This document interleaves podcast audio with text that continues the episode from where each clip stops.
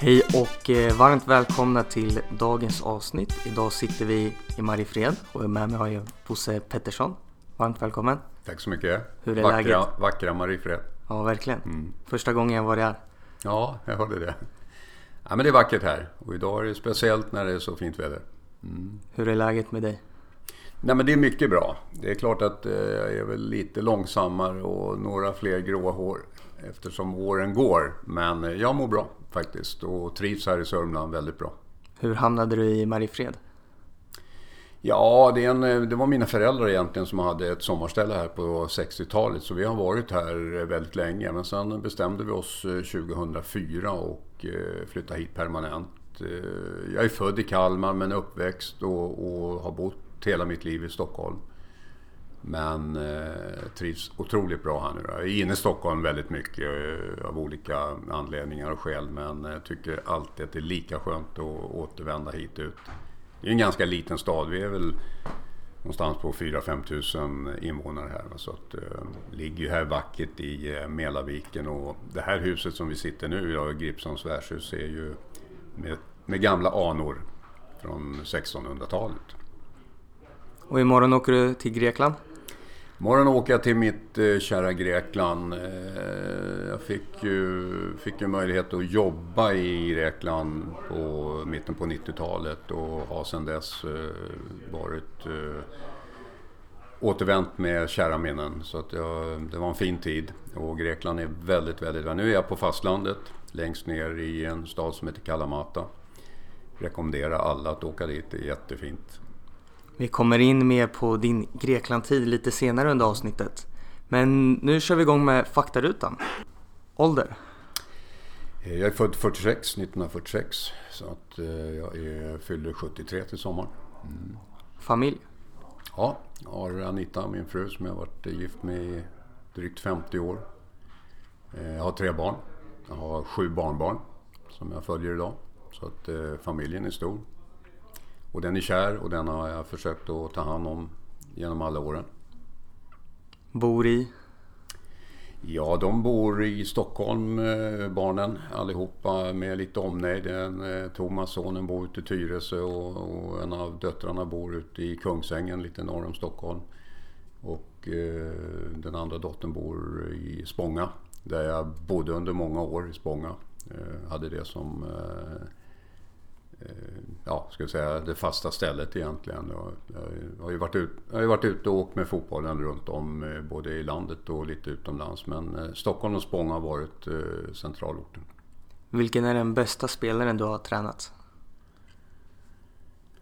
Ja, de, eh, det har ju blivit... Eh, jag har ju hållit på med det här i nästan 40 år blev det ju och eh, haft väldigt många eh, olika spelare i, i olika... Men jag, jag hade faktiskt nere i eh, Grekland så hade jag eh, en av Greklands stora spelare som hette Nikos Liboropoulos eh, som sen värvades till eh, Panathinaikos var en otroligt duktig spelare. Var ju med och spelade VM för, för Grekland. EM.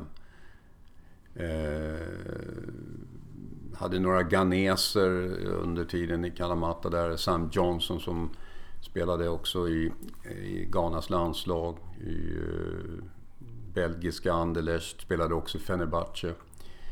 Eh, Champions Leagues yngsta målskytt genom alla tider heter Peter Offerikwe, en, en, en ghanes som jag hade där. Han var ju bara 16-17 år då, då men eh, också en fantastisk spelare. Eh, Ja, det är sen hade ju under tiden i AIK mm, många intressanta spelare. En finsk spelare som heter Jyrki Nieminen som var en eh, fantastiskt bra fotbollsspelare.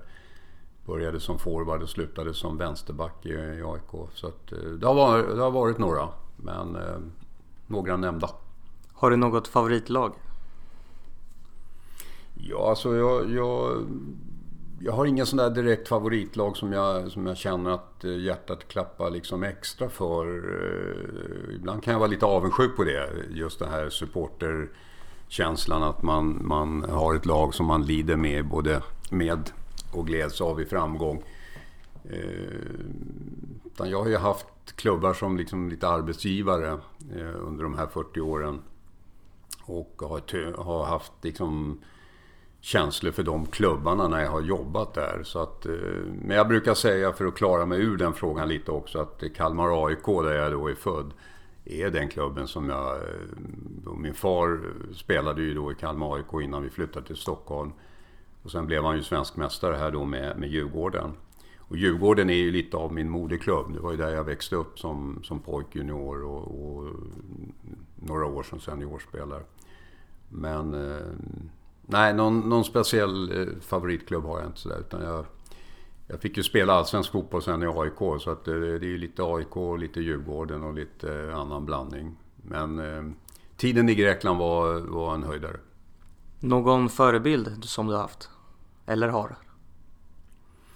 Jag tänker som, som person, som tränare, som, som eh, liksom rent allmänt. Så det är klart att jag, jag har träffat på väldigt mycket intressanta människor genom de här åren. Jag hade ju Lennart Johansson som ordförande när jag var i AIK. En fantastisk person, fantastisk eh, ledare.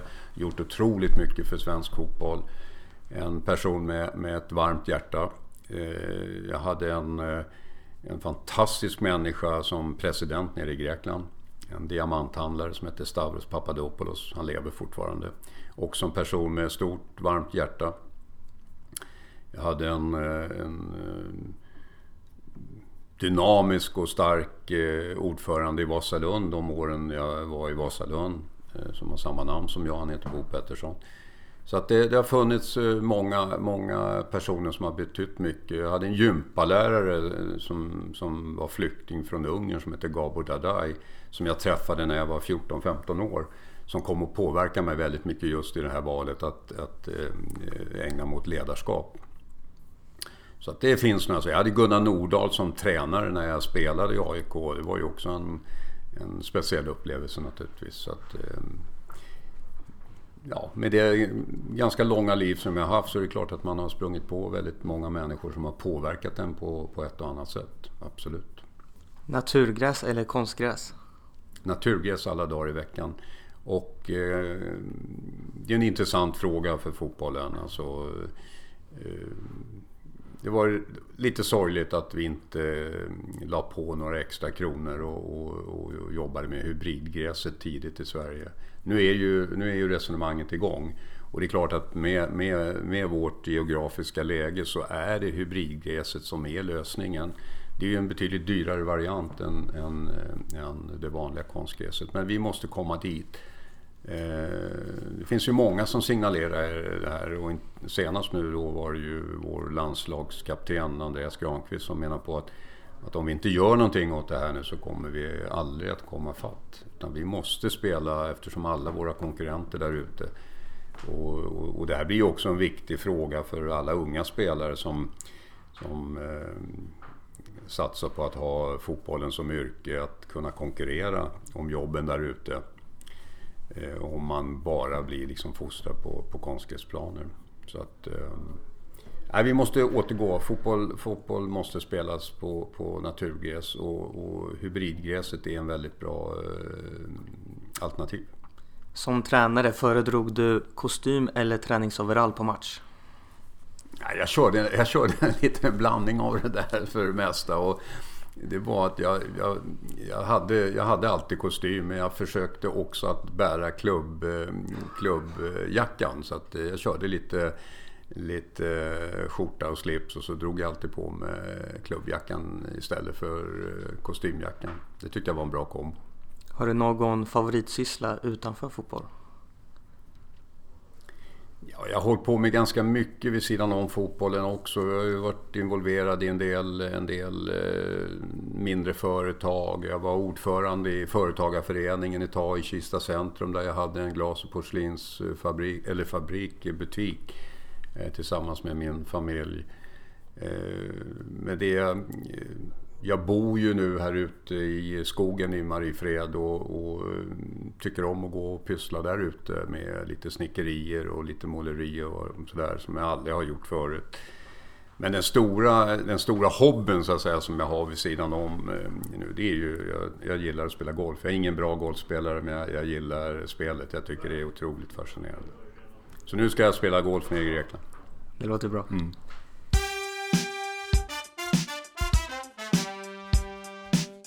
För våra yngre lyssnare, hur var du som fotbollsspelare själv? Ja, alltså jag, jag, under åren i Djurgården då, då på pojk junior-sidan så var jag forward. Eh, tyckte om att göra mål och gjorde väl en, en del mål där. Jag, jag fick aldrig spela någon allsvensk match i Djurgården men jag var med i A-truppen där som, 17-åring i, i början på 60-talet. Eh, men skolades om så småningom och i AIK när jag spelade allsvensk då tio år senare där, då var det som mittfältare. Och tycker väl att jag, jag höll på med, med eh, som, som höll på de flesta i, i den här generationen med, med både hockey och fotboll och bandy och handboll och för min del också en del basket. Eh, vilket jag tror så här i efterhand eh, var ganska nyttigt för just det här med speluppfattning. Vilket jag menar är den, den viktigaste faktorn idag eh, för att bli riktigt bra. Det är att eh, du har en god speluppfattning kunna ta snabba beslut i, i trängda lägen och sådär. Eh, och det, det var med, det, det är i alla fall den bilden jag har av mig själv, att jag hade en ganska bra, bra uppfattning. Sen kom jag in på, ledar, jag kom in på ledarsidan ganska tidigt i min karriär, kanske till och med för tidigt när jag ser på det i backspegeln. Men det gjorde ju också att jag fick ett, ehm, liksom en liten taktisk eh, känsla för spelet ganska tidigt. Så att, ehm, den kombinationen eh, tyckte jag den, den gjorde att jag kunde... Jag var ju över 30 år när jag spelade i Allsvenskan med AIK. Kunde ha hållit på några år till eh, absolut men lite, lite tjurighet och e-, envis, småländsk envishet gjorde att det, det blev, blev ju bara en säsong i AIK. Där. Hur gammal var du när du tog ditt första tränaruppdrag? Det är alltså 1970, då är jag 24 år. Va? Så att, ehm, då spelade jag i näst högsta serien i, i Sverige, eh, division 1 som det hette då. Eh, och fick ett erbjudande om att bli spelande tränare i division 8. och då är jag 24 år. Så att jag gick alltså från näst högsta serien till division 8. Eh, men jag hade, jag hade tidigt en dragning åt hela ledarskapet och allt vad det eh, innebar. Och så där. Så att jag jag var sugen på det helt enkelt. Men med facit i hand så var det naturligtvis inte det bästa för, för så att säga, spelarkarriären. Eh, för jag satt 1958 satt jag på fotbollsstadion i Solna och såg Sverige mot Brasilien. Det var ju VM-final, Sverige blev tvåa. Eh, och där någonstans eh, kan jag väldigt tydligt komma ihåg att det var där så att säga drömmen eh, kom om att spela allsvensk fotboll. Jag hade ju i och för sig med mig det då i blodet med farsan som som sagt var blev svensk mästare i Djurgården. Men, men jag kommer ihåg så väl den där, den där VM-finalen och då, då, då bestämde jag mig.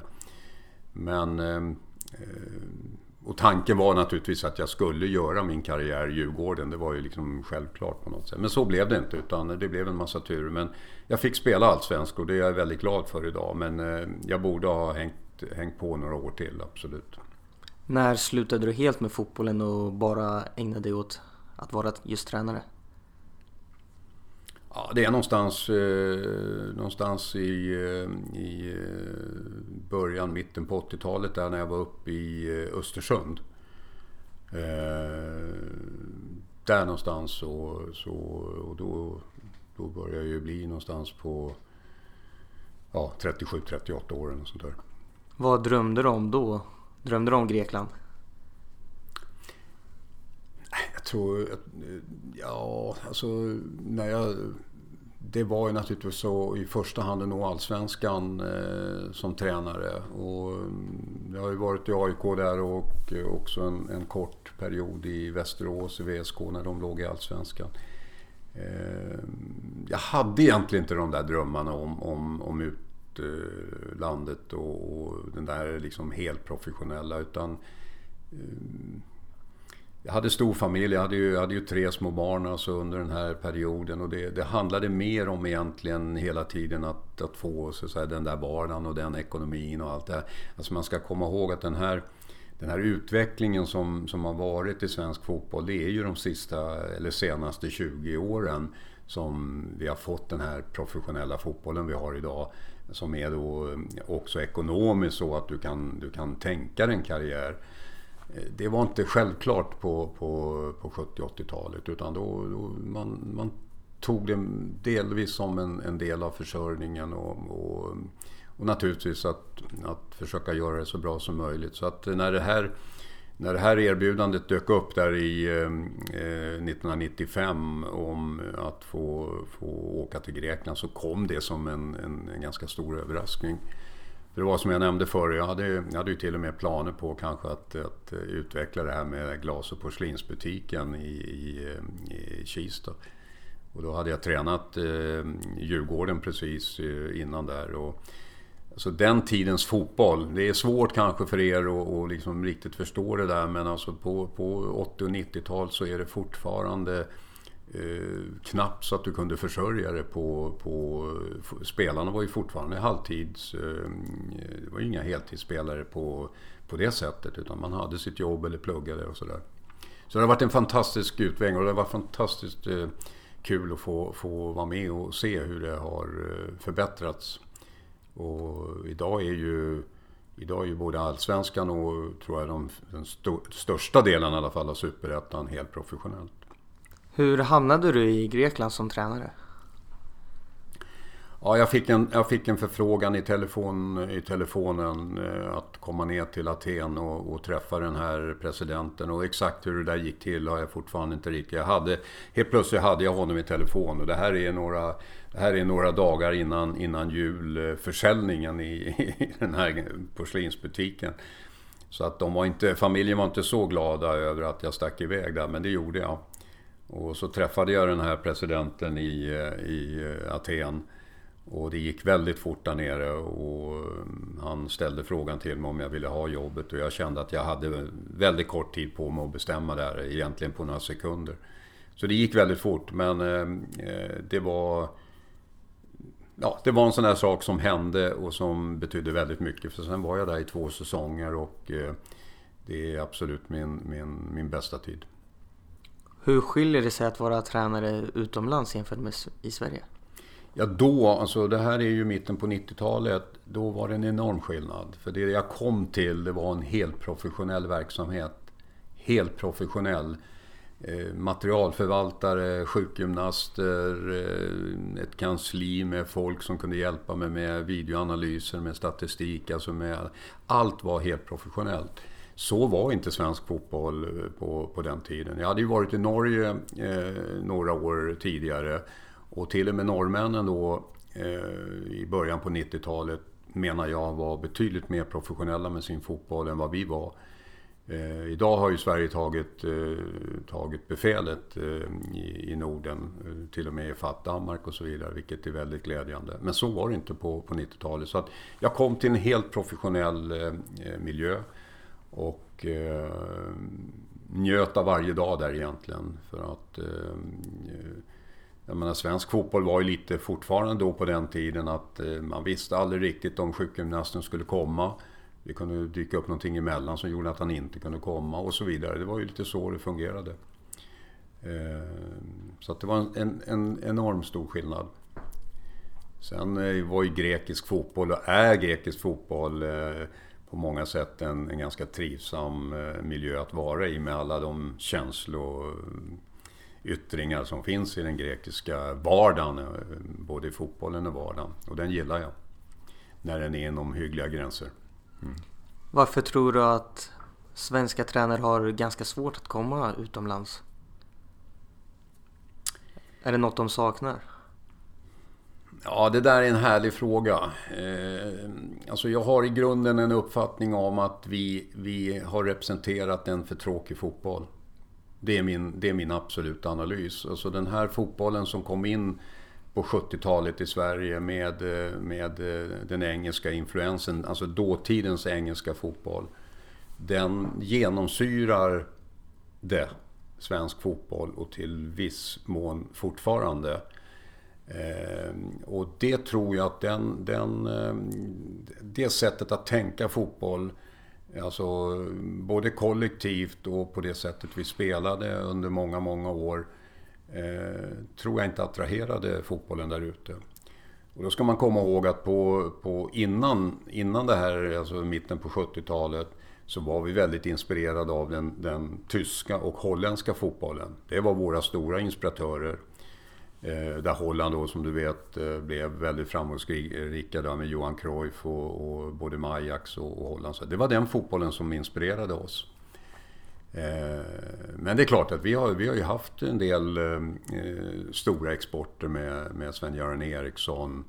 Eh, Tor Grip naturligtvis. Eh, Hasse Backe har ju varit ute. Eh, Bosse Johansson, eh, Kalmar, eh, Småland har varit ute. Så det är, men det är inte sådär väldigt många. Och jag tror att de flesta eh, som håller på med fotboll idag på Alltså tränare som håller på på elitnivå idag har någonstans en dröm. Jag såg Janne Andersson i en intervju här nu. Han räknar kallt med att efter förbundskaptenstiden här nu eh, ta en, en, en, period utomlands. Eh, så att, eh, men det finns säkert för, flera förklaringar. Men jag, jag, jag har en känsla av att vi har inte varit speciellt attraktiva bak i tiden just för, för den fotboll som, som jag tror eh, övriga Europa har eh, sett att vi representerar. Kan du beskriva dig själv hur du var som eh, ledare? Alltså man förändras ju otroligt mycket, det tror jag alla vittnar om. Eh, även om du behåller din, din fotbollsfilosofi på något sätt så förändras du hela tiden. Jag hade ju en hade ju en, en eh, gigantisk framgångsrik eh, hockeytränare här i Sverige som hette Tommy Sandlin. Som eh, hade Brynäs hockey under en period där de vann allt. Och alla spelare på säga, representerade nästan Sverige. Han menade på att du går lite från att vara instruktör, det här att vara väldigt intresserad av att lära ut hur du tar emot bollen och hur du levererar den vidare och sådär till att eh, gå till lite mera intresse för själva spelet, alltså coachningen. Eh, hur ska vi, hur ska, vilken modell och vilken eh, idé ska vi ha och hur ska vi organisera oss till att gå i slutfasen till ledarskapet, alltså det här, det här övergripande. Eh, hur vi skapar en, en bra... Det, det jag tycker Jan Andersson beskriver väldigt mycket idag i alla intervjuer, det här med att ta hand om, om gruppen och se till att gruppen fungerar. Och det är lite så känner jag när jag, när jag summerar min tid också. Att det är lite så. Alltså man, man har någon, från början har man någon sån där drivkraft att eh, försöka lära ut liksom, ja, de tekniska sakerna och, och att upp det där till och, och i slutändan eh, få en lite mer övergripande syn av det.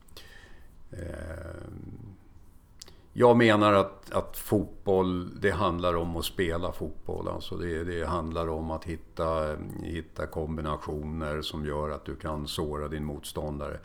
Men, eh, men eh, finns ju, finns ju det finns ju mycket statistik i fotbollen som eh, visar liksom på det här att det är stort risktagande med kombinationsspel. Det är bättre att lägga en lång boll direkt på, på, eh, på topparna. Då är du i närheten av motståndarens straffområde och så försöka därifrån.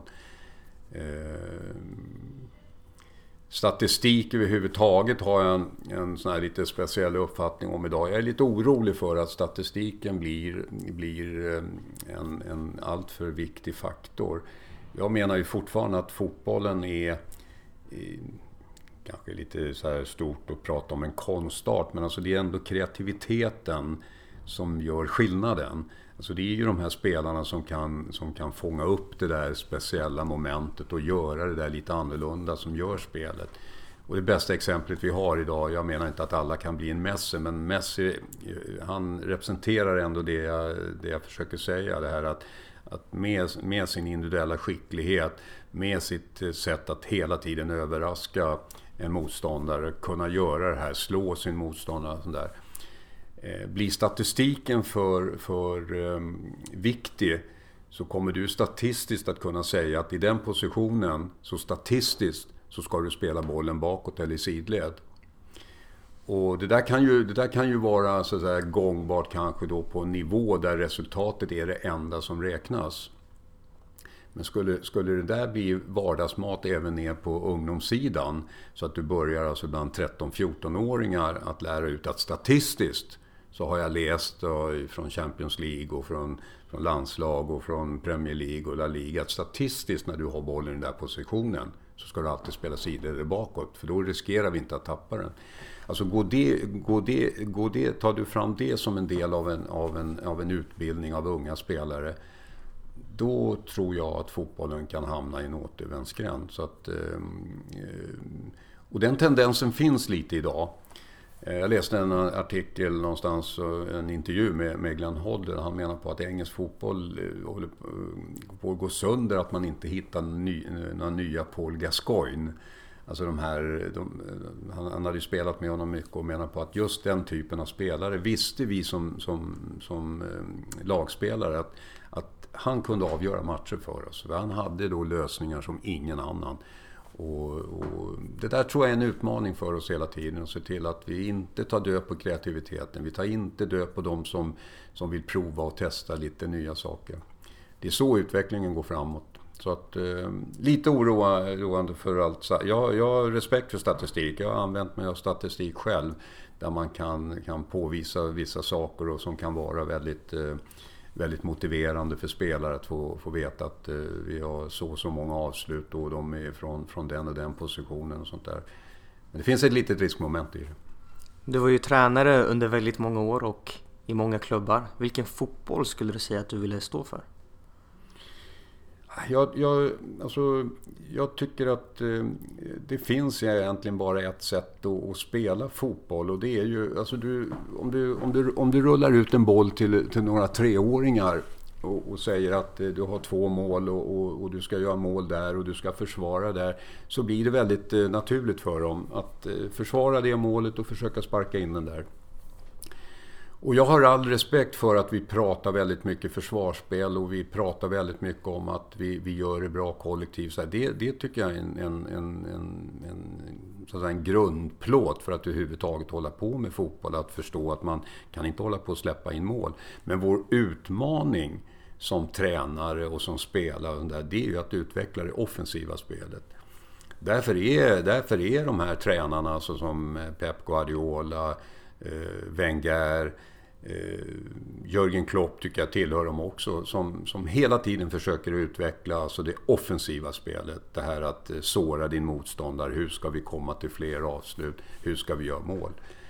Eh, där tycker jag vi har historiskt fastnat i, eh, För för, svara, för att svara igen på din fråga det här om varför inte så många svenska tränare. Utan, alltså vi, har haft, vi har hamnat och fastnat i för mycket diskussioner om försvarsspelet.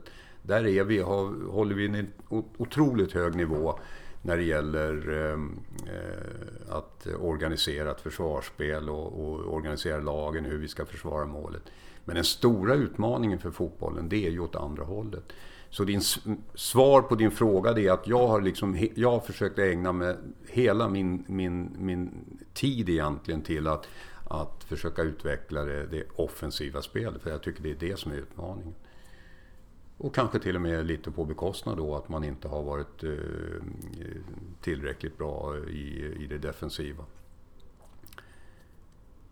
Ja, det är en utmaning. Det är ingen tvekan om det. Men eh, om, du, om du frågar mig om min filosofi så är den solklar. Och det är att den stora utmaningen för ungdomstränare, för seniortränare, det är att försöka utveckla det offensiva spelet. När du var tränare i Vasalund spelade ni 3-5-2. Hur mm. kom det sig att du spelade så tidigt innan det blev lika modernt som det är idag? Ja, som jag sa till er, jag, jag, jag inspirerades av holländsk och, och, och, tysk fotboll tidigt. Det var, det var det som var inspirationskällan. Det var dit vi åkte på, på studieresor. Det var det vi fångade upp det. Så att eh, jag, jag hade med mig 352 mycket tidigare än, än Vasalund. Det var där jag liksom egentligen utvecklade det, det ytterligare en bit. Och det var ganska tacksamt på den tiden, det här är 80-tal, för då spelade alla svenska lag, jag vill säga alla svenska lag spelade 4-4-2, alltså den engelska grundmodellen. Och det var så enkelt med 3-5-2 egentligen att, att genomskåda det där. Vi var fler numerärt centralt. Vi var alltid eh, tre centrala mittbackar mot, mot, eh, mot två. Eh, vi kunde liksom utveckla kantspelet med... Ibland kunde man ha de eh, kantspelare som var lite mer eh, alltså defensivt tänkande beroende på motståndare. Ibland kunde vi ha det som, som öste. Jag har alltid varit upptagen av eh, två toppar. Det tycker jag är... Jag, jag har väldigt svårt. Jag vet att Guardiola och, och Wenger, de, de, har ju, de har ju alltid spelat med en central topp och ändå varit väldigt offensivt eh, intresserade. Men eh, jag tycker det finns stora fördelar med att spela med två toppar. Men det är ju en sån här evig diskussion. Eh, men jag gillar 3-5-2. Jag tycker det, det finns så, så, så mycket, många varianter i det. Både försvarsmässigt. Vill du spela... Eh, alltså med dina två toppar kan du ju spela dem väldigt eh, tight. Och öppna på kanterna för motståndaren. Men du kan ju också spela väldigt brett. Jag hade ju Peter Gerhardsson, eh, vår förbundskapten nu då, i, i eh, damlandslaget som en av, en av topparna under den här tiden med Vasalund. Och han var ju redan då eh, jätteintresserad av taktisk fotboll och sånt där. Så det var, vi, vi jobbade väldigt mycket det här med att, eh, att ha ganska tajta toppar som styrde ut dem på kanterna eller spela väldigt brett för att, att styra in bollen mot våra mm, tre centrala mittfältare. Och ha två forwards som är liksom intresserade och tycker det där är lite kul och, och, och starta den där styrningen och det. Så att, ehm, men 3-5-2 var jag tidigt på och tycker det fortfarande är en... Eh, sen tycker jag, alltså rent generellt så tycker jag om det här att du kan växla modeller under matchens gång. Och det ser man ju nu med Pochettino och, och några av de här att de, de, de, är, de, har, de har utbildat sina, sina lag till, eh, till eh, att eh, uppträda med lite olika. Ibland är det två toppar och så ändrar de lite och så får de lite annat och ställer då på det sättet motståndaren lite nya situationer. I Sverige har vi en liten annan så att säga, DNA. Vi pratar ju hela tiden om trygghet, att inte förändra och, och där. Vilket jag också då är lite det här på att att eh, vi kanske inte är så där väldigt lyckosamma där ute. Jag, jag, jag, tror att du måste vara mycket mer flexibel. Eh, och kunna, för just den här, just den här eh, matchcoachningen, att kunna, kunna coacha hem matchen. Det är ju, för mig är det liksom adelsmärket hos en, en, en bra fotbollstränare. Han måste kunna förändra. Eh, dels naturligtvis med byte med spelare som eh, de här modelltränarna om jag säger det som Guardiola och Wenger och de, de, de skiftar ju egentligen bara karaktär i positionerna. Eh, men när jag tittar på, på Pochettino och i viss mån också Jürgen Klopp så, så kan de så att säga till och med ändra modellen. Och det där fascinerar mig, så det där, det där gillar jag. Jag menar ju liksom att, att som, som coach eller manager eller tränare, vad du nu kallar det för, ditt jobb är ju under matchen att, att se vad som händer där och ha förmågan att, att, ta beslut och förändra. Men det finns, ju, det finns ju tränare på väldigt hög nivå. Jag ska inte nämna någon namn, men alltså det finns ju tränare på väldigt hög nivå både inom Sverige utan som, som menar på att det, det eh, ju, ju färre förändringar ju bättre. Utan vi ska skapa en trygghet i laget och det är det som gäller. Och det kan jag, det kan jag ibland lite, bli lite fundersam kring hur man, hur man kan eh, resonera så. Men eh, det är väl egentligen de två, det är väl egentligen de två eh, olika vägar du kan välja. Du kan ju välja här, eh, alltså den, den, enda vägen och jobba stenhårt med den. Och den andra är ju då att vara mer flexibel och ha mer kunskap och alltihop det där. Eh,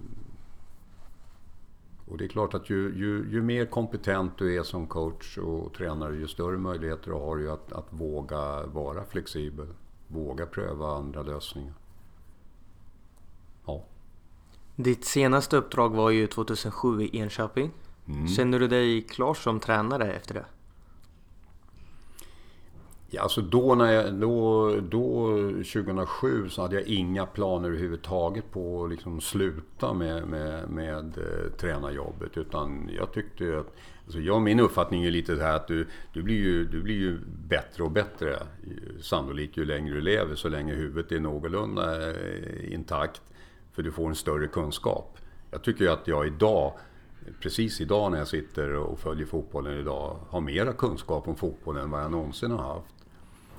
Eh, däremot kanske man har så att säga, min, lite mindre energi med ålderns rätt då, än, än, än det här att, eh, så att säga, vara energifylld i varje träningsmoment och sånt där. Men det, det är ju en organisationsfråga.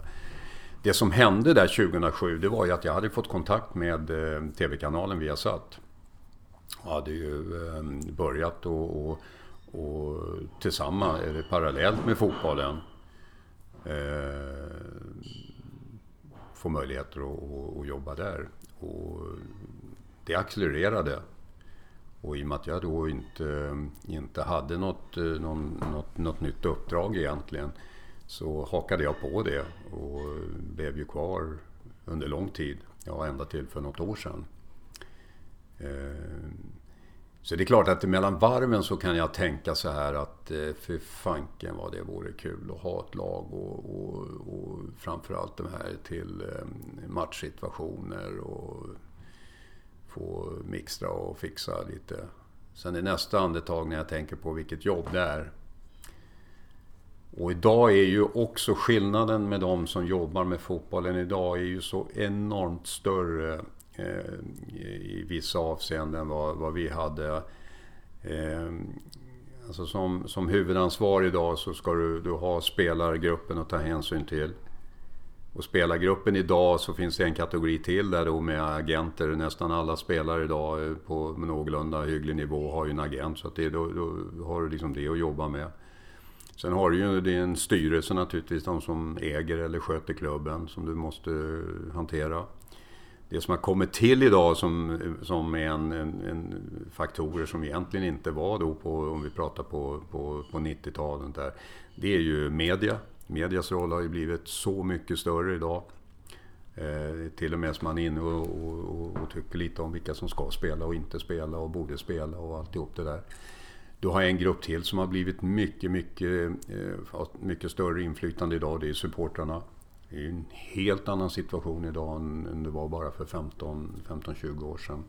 Och det sista, sponsorer. Till och med sponsorerna är alltså idag eh, inne och i delar och, vill påverka. För de är naturligtvis angelägna att få ut så mycket som möjligt av sina insatser.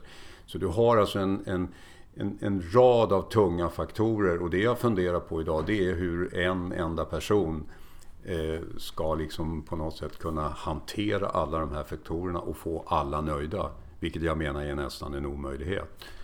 Att antingen så, lite Wengers eh, exempel, så är ägarna jättenöjda med hur du sköter klubben. fungerar ekonomiskt, vi bygger arenor och det är liksom ordning. Och så har du supportrar som tycker att allting är värdelöst för att du inte vinner några titlar. Och så hakar media på och så, så vidare och sponsorer börjar, ah, vinner vi inga, inga pokaler. Och, ja. Så att det är en, det är en, eh, och det där, det där är, ju, det är ju på samma sätt i svensk fotboll idag fast vi är på en annan nivå. Så det är ett mycket tuffare uppdrag, mycket, mycket tuffare jobb att leda ett fotbollslag på, på hygglig nivå idag än det har varit tidigare. Men eh, eh man ska aldrig säga aldrig. Det är alltså, jag, jag menar fortfarande att eh, rent kunskapsmässigt, jag följer ju fotbollen framförallt Premier League idag. Eh, den, den följer jag och Champions League, det är ju de två Tidigare när jag var som mest aktiv i, på, på Viasat, då var jag ju tvungen att följa La Liga, Bundesliga och, och franska ligan naturligtvis och holländska ligan. Så då gjorde man ju egentligen inget annat än att titta på, på matcher. Det var ju helt galet ett tag. För att vara trovärdig. För det är ju det är också utvecklingen idag med, som har varit väldigt positiv som jag säger med utvecklingen i Sverige idag. Det är ju att, att eh, alla kan så mycket mer. Det är ett enormt engagemang kring fotbollen. Det är ju helt fantastiskt hur det har utvecklats. Men det gör ju också att det ställer ganska stora krav på den som sitter och försöker ha lite uppfattningar och sådär. Åsikter. Vilken typ av roll skulle du kunna se dig i ett lag? Om det ringde telefonen nästa vecka?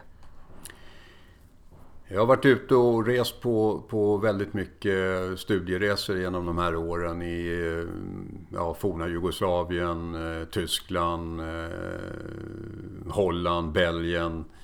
Och naturligtvis England. Jag har varit många gånger. Nu senast, det är ett antal år sedan, när Ferguson fortfarande var, var aktiv. Och var där under en vecka på deras träningsanläggning. Och jag funderade under där på måndagen där, var, var är gubben någonstans? Ja, han kom varken på måndagen, tisdagen, onsdagen, torsdagen eller fred ja, fredagen. Då dök han upp. Och eh, kom ut och, och, och, inspirerade killarna och gick omkring och pratade med dem och sådär. Och så sitter han ju naturligtvis då till helgen på, på bänken och, och, och mm, coachar laget. Och det är klart att i en sån organisation då som är kring ett, ett, ett, ett av världens största fotbollslag där, där alla har sin professionella uppgift under veckan. Spelarna tränas, de eh, återhämtas, de specialtränas, de mentaltränas, de kosttränas. Och så kommer jag lite dit på fredag och stämmer av lite så här. Hur, hur mår han och han och är han klar för match och så vidare. Så att den här lite övergripande rollen Eh, den skulle, jag gärna, den skulle jag gärna kunna tänka mig att ha. Men det kräver ju då att det finns en, en ganska hygglig organisation under det. För det här vardagsslitet, alltså att vara på träning varje dag och vara liksom huvudansvarig för att varje träningsmoment och sånt där genomförs. Ja, det, det, liksom, det, det känner jag att den... Men eh, själva matchsituationen, coachningen och, och vara inne i omklädningsrummet och, och liksom fightas om, om viktiga poäng och sånt där. Det kan jag sakna ibland. Vad har varit din största lärdom genom din tränarkarriär? Det att eh, ta, ta hjälp av spelargruppen. Alltså från början när man, när man kommer in och bestämmer sig liksom för den här ledarrollen då, då, då tror jag det är väldigt naturligt att man känner att det är liksom det är så här det ska vara, det är jag som kan det, det är jag som förstår det, det är hit och bla bla bla.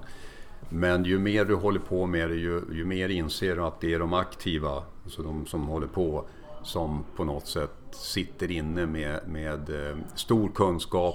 Och den dialogen eh, som jag så småningom... Eh, och, och jag, träffade ju, jag träffade ju Peter Gerhardsson eh, tidigt. Och eh, vi hade, ett, hade en diskussion om det här och eh, jag, jag, tycker jag utvecklade det bättre och bättre. Sen var, sen var, de, sen var de grekiska spelarna var inte riktigt, eh, riktigt eh, öppna för det. Men det löste sig. Nu får vi lite besök här. Vad har varit din största framgång i din karriär skulle du säga? Alltså, vi, vann ju, vi vann ju serien med AIK 80 eh, och eh, den, eh, den ser jag nog som en, en viktig grej för mig. Det var viktigt. Som jag sa, jag hade ju Lennart Johansson som, som ordförande där. Och vi hade egentligen ett sånt där kamikazeuppdrag. Eh, vi åkte ur och sen eh, eh, var det bara egentligen en väg och det var att, att ta sig tillbaka. Vi var ju tre minuter från allsvenskan med Vasalund. Det hade varit fantastiskt kul att gå upp i allsvenskan med Vasalund och vi hade ett kanonlag. Vi hade den här 3-5-2-spelet var, var... Vi kände verkligen att vi behärskade alla taktiska delar i det där. Men sen tycker jag det var en framgång nere i Grekland med en nykomling, för det var en nykomling eh, som jag tror, jag kommer inte ihåg exakt vad vi blev, men vi hamnade någonstans i mitten på tabellen. Vi slog Panathinaikos, storlaget, hemma. Vi slog Olympiakos hemma eh, kryssade mot AIK Aten. Alltså stora resultat för, för den här ganska lilla, lilla staden. Men jag har med mig 10-11 seriesegrar eh, under karriären som spelare och tränare. Och det är klart att det, det är oavsett nivå, var det än är så...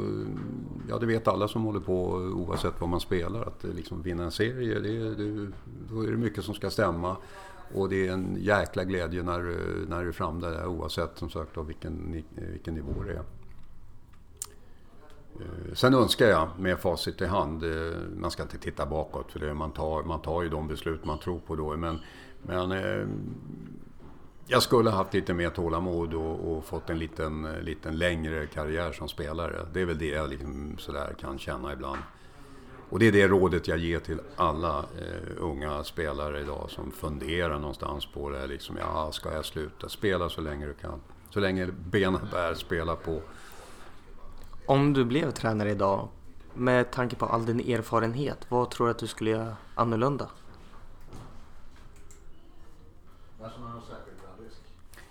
Jag skulle, jag skulle, jag skulle, jag skulle tror jag dra, dra slutsatsen av, det, av de, alla de erfarenheter jag, jag har fått. Det här med att eh, se till att jag fick ett lag som var väldigt flexibelt. Så att spelarna hängde med på den tråden. Gå ifrån den här så att säga, trygghetstanken.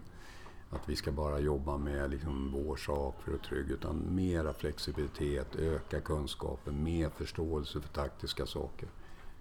Det tror jag hade varit eh, den absoluta grejen. Du jobbar ju mycket idag med vi lirare. Kan du berätta lite vad det är för något?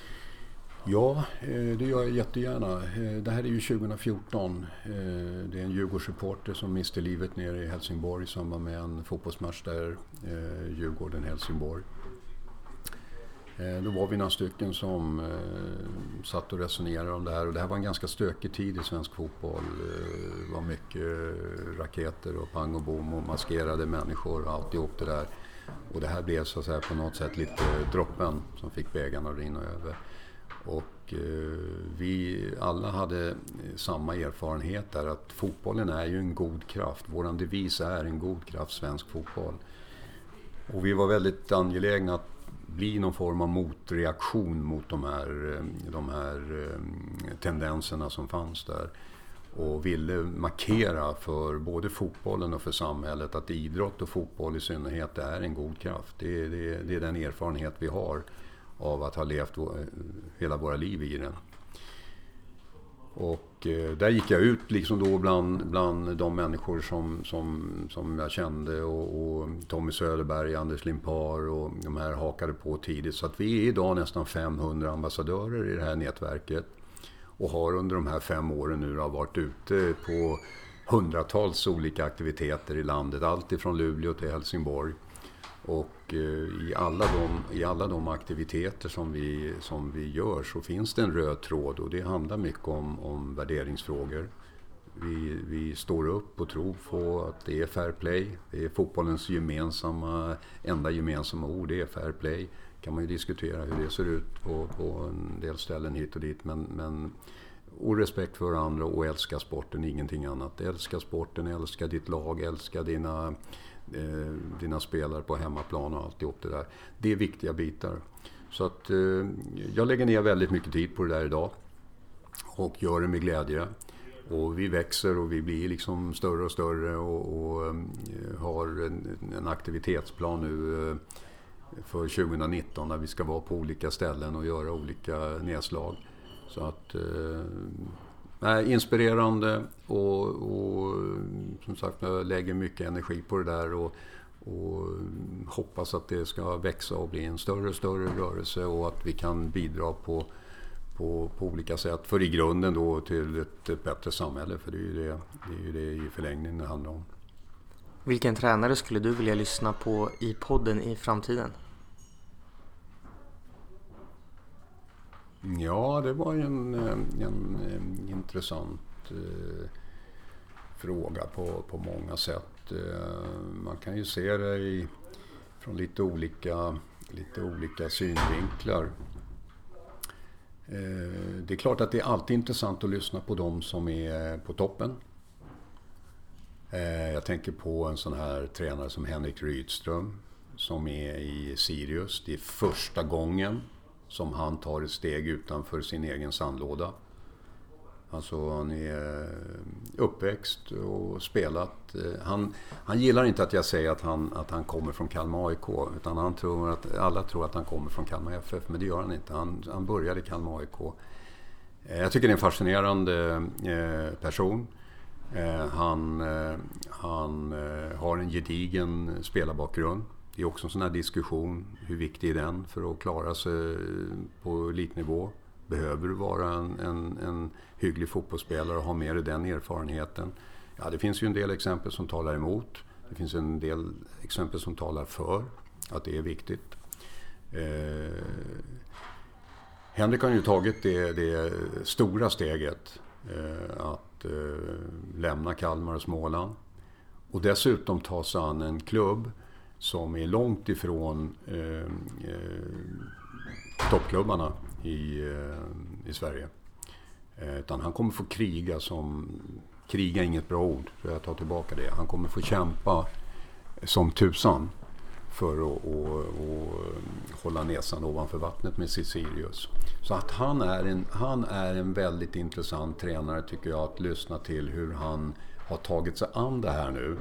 Alltså från den här trygga tillvaron i Kalmar där alla vet vem man är, där han eh, känner till varenda kvadratmillimeter i den där stan och på, på träningsanläggningar och med människor och alltihop. Till att komma till en helt ny plats. Och dessutom efterträda ett, ett ganska, ganska framgångsrikt par, alltså Kim Bergstrand och, och Lagerlöf som har lyckats väldigt, väldigt bra med små resurser i Sirius. Eh, sen skulle jag vara intresserad av att få höra vad han, vad han står filosofiskt. Jag vet ju vad han står. Jag brukar säga att, eh, att Henrik Rydström var en av Allsvenskans bästa spelare utan boll. Han gillade inte det riktigt, men, jag, men eh, han skrattade åt det. Riktigt vad han står för fotbollsmässigt och vad han vill, vill driva, det, det vet inte jag. Så det skulle vara jätteintressant att, att, att höra honom tycker jag. Tack så mycket Bosse för att du tog dig tid. Tack själv. Stort tack för att du lyssnat! Om du inte redan gjort det, prenumerera på podden, gå in och följ den på Twitter och Facebook. Nästa avsnitt kommer redan nu på torsdag och är ett specialavsnitt med AFC Eskilstunas tränare Nemanja Miljanovic innan den allsvenska premiären. Vi hörs då!